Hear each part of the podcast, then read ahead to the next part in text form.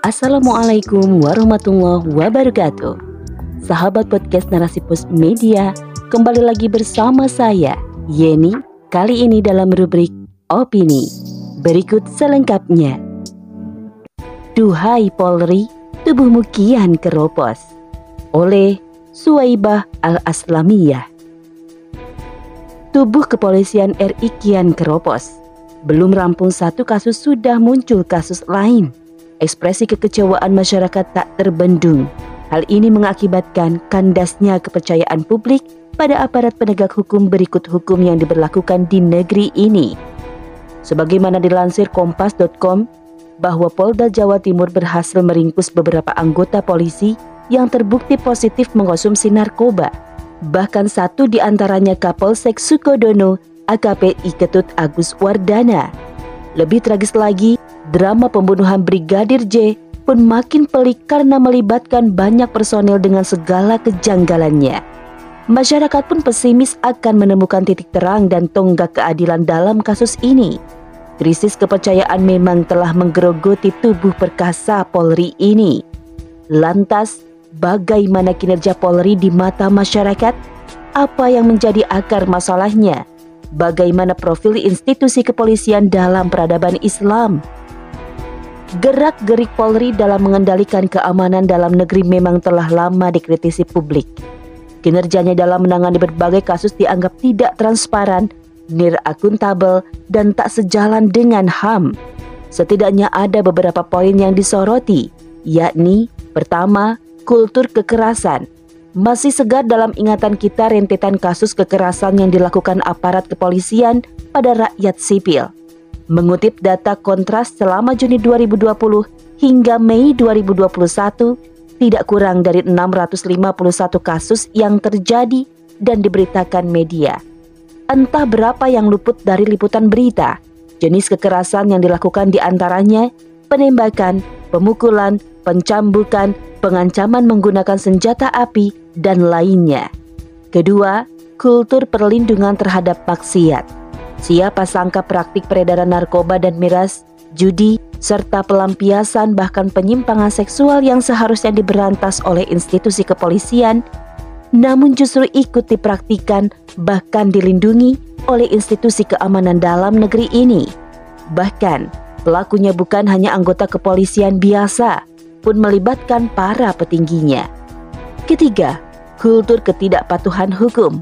Koalisi Reformasi Sektor Keamanan memiliki catatan panjang di tubuh Polri, mulai dari extrajudicial killing, penundaan kasus hingga berlarut-larut, korupsi akut, rasuah dalam penerimaan peserta akademi kepolisian, abuse of power atau penyalahgunaan wewenang, rangkap jabatan serta merangseknya anggota Polri dalam jabatan sipil, bahkan problema maladministrasi Hal ini diperkuat dengan adanya survei kepatuhan hukum yang dilakukan Ombudsman RI hasilnya cukup mengejutkan. Ternyata tingkat kepatuhan Polri pada hukum relatif rendah. Bahkan lembaga ini paling banyak dilaporkan masyarakat terkait maladministrasi. Keempat, kultur rekayasa kasus.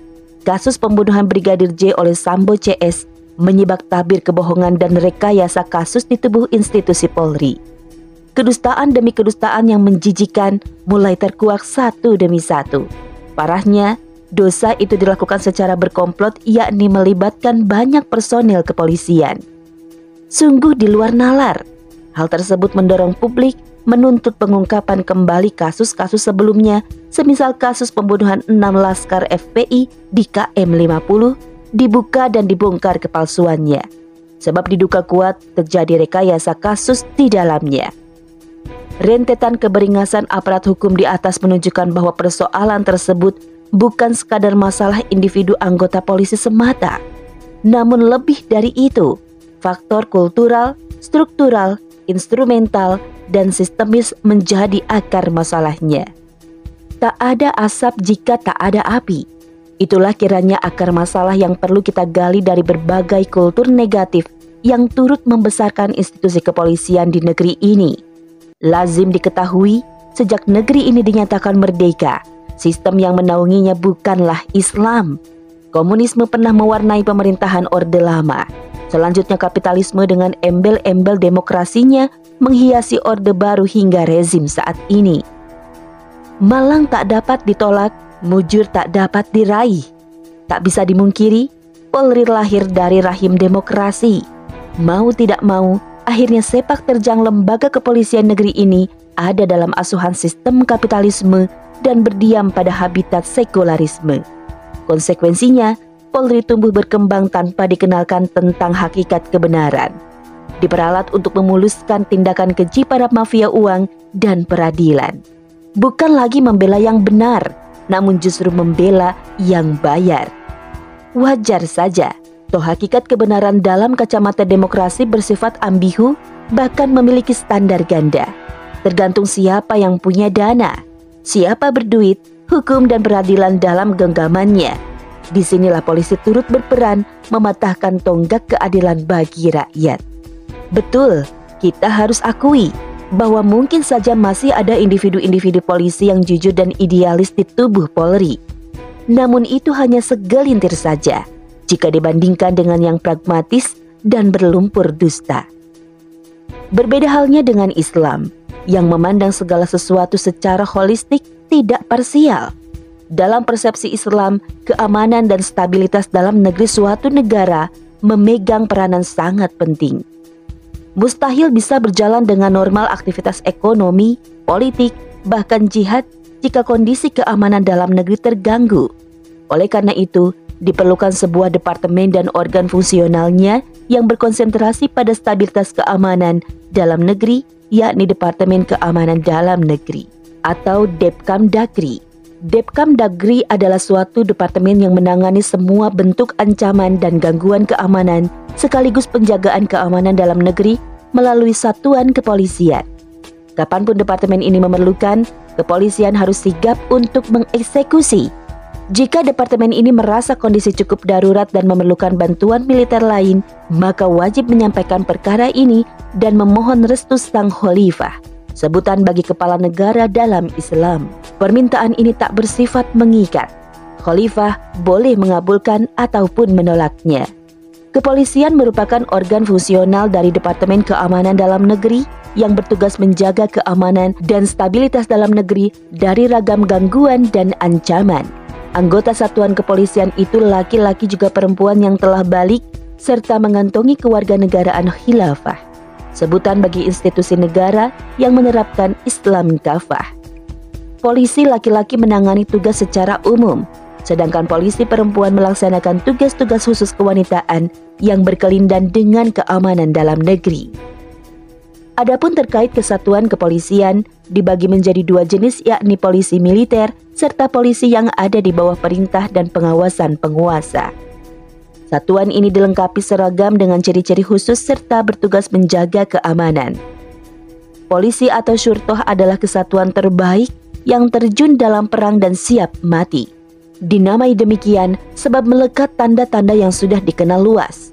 Adapun polisi militer merupakan bagian dari tentara yang memiliki tanda-tanda yang lebih menonjol daripada pasukan lainnya untuk mendisiplinkan urusan-urusan pasukan berada di bawah Departemen Perang, tepatnya Amirul Jihad.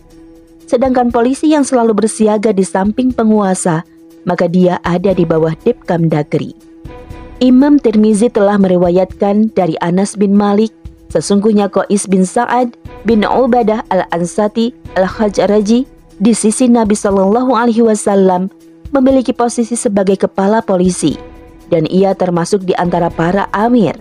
Al-Ansari berkata, yaitu orang yang menangani urusan-urusan polisi.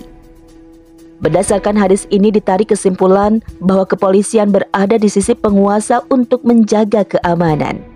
Di bawah Dipkam Dagri sebagai struktur yang berdiri sendiri dan berada di bawah instruksi khalifah secara langsung, sebagaimana struktur-struktur negara yang lain.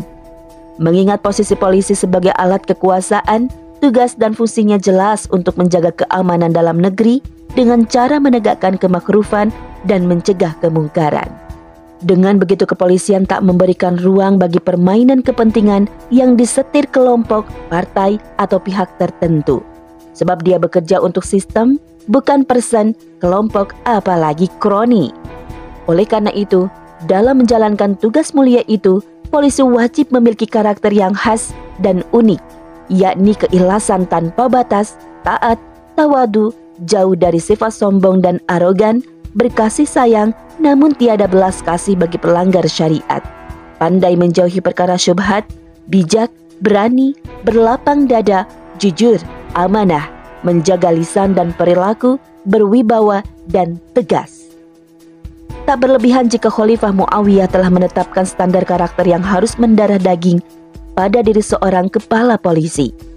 Ziyad bin Abi berkata, Kepala kepolisian hendaklah memiliki kecakapan dan kuat, tidak mudah lupa, dan bagi pengawal pribadi hendaklah yang telah berumur dan dapat menjaga kesucian diri, serta tidak memiliki catatan kriminal. Tarikh Al-Yaqubi Sebaliknya, jika seorang kepala atau petinggi kepolisian melakukan penyelewengan seperti memberikan sanksi yang tidak sesuai putusan hukumnya atau tidak mengedepankan bukti-bukti dalam penyelidikan, maka sang khalifah tidak akan segan untuk langsung memecatnya dengan tidak hormat. Ini pernah terjadi pada masa Bani Abbasiyah.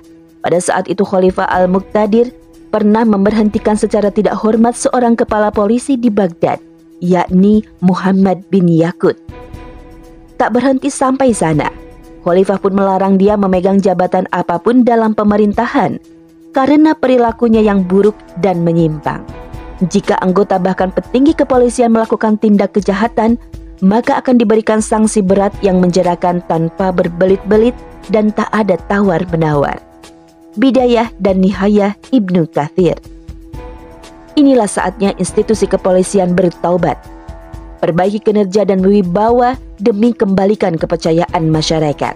Ingatlah, setiap kita akan dimintai pertanggungjawaban di akhirat kelak. Posisikan kembali peran polisi sebagai pengayom masyarakat sekaligus menegakkan kebenaran hakiki, yakni beramar ma'ruf nahi munkar, bukan menjadi pelaku atau pelindung kemaksiatan. Wallahu a'lam bisawab.